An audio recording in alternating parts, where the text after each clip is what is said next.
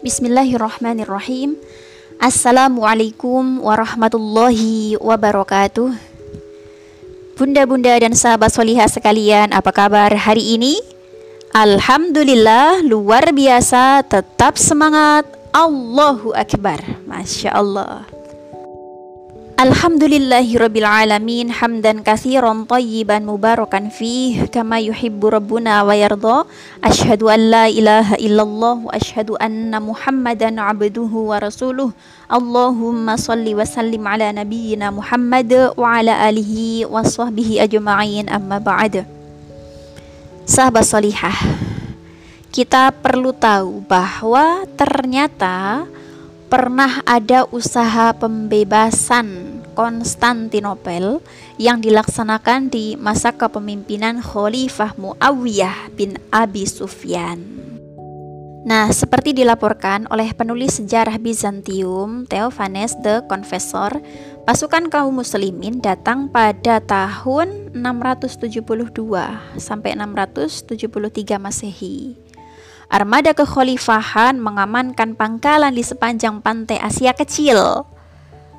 Karena kan memang di Turki itu Asia dan Eropa ya, kalau yang pernah ke sana. Dan kemudian melanjutkan untuk memasang blokade longgar di sekitar Konstantinopel. Masya Allah. Kaum muslimin menggunakan semenanjung Sizikus di dekat kota sebagai basis untuk menghabiskan musim dingin.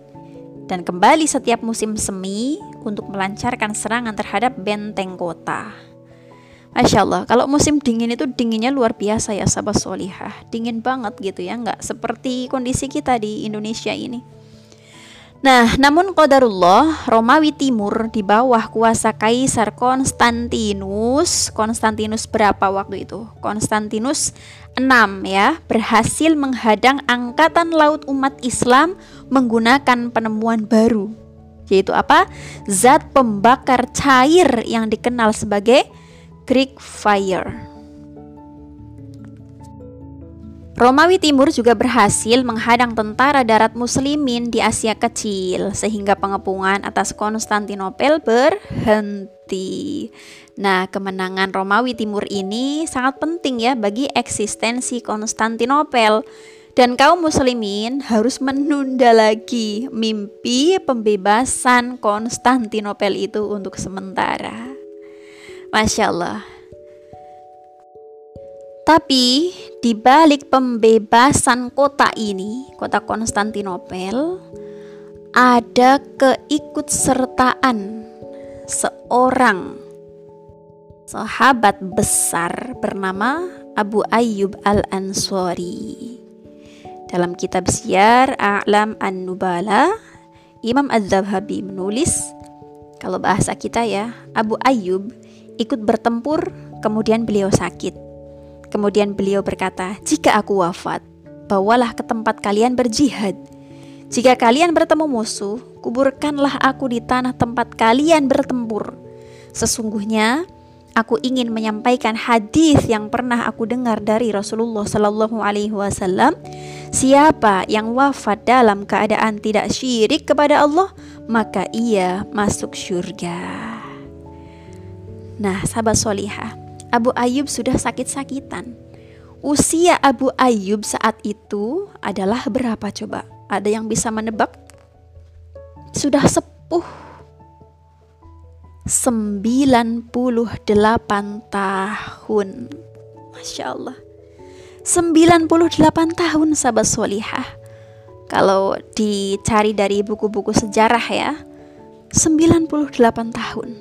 Masya Allah.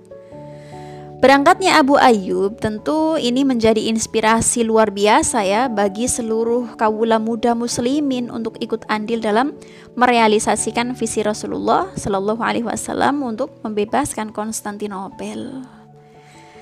Radhiyallahu anka ya Abu Ayyub Al-Ansori. Masya Allah.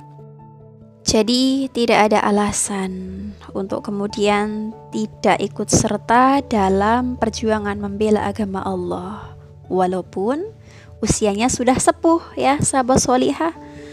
Karena luar biasa dari Abu Ayyub Al-Ansori kita bisa mengambil pelajaran, kita bisa mengambil inspirasi bahwa usia itu tidak kemudian melunturkan semangat kita untuk terus mengkaji Islam, terus ngaji, terus memperbaiki diri, terus semangat berkontribusi dalam dakwah di jalan Allah. Semoga Allah berikan kepada kita usia yang penuh dengan kebermanfaatan dan semoga Allah berikan kepada kita husnul khotimah. Allahumma amin. Demikian aku qouli hadza wastaghfirullahu li wa lakum. Wassalamualaikum warahmatullahi wabarakatuh.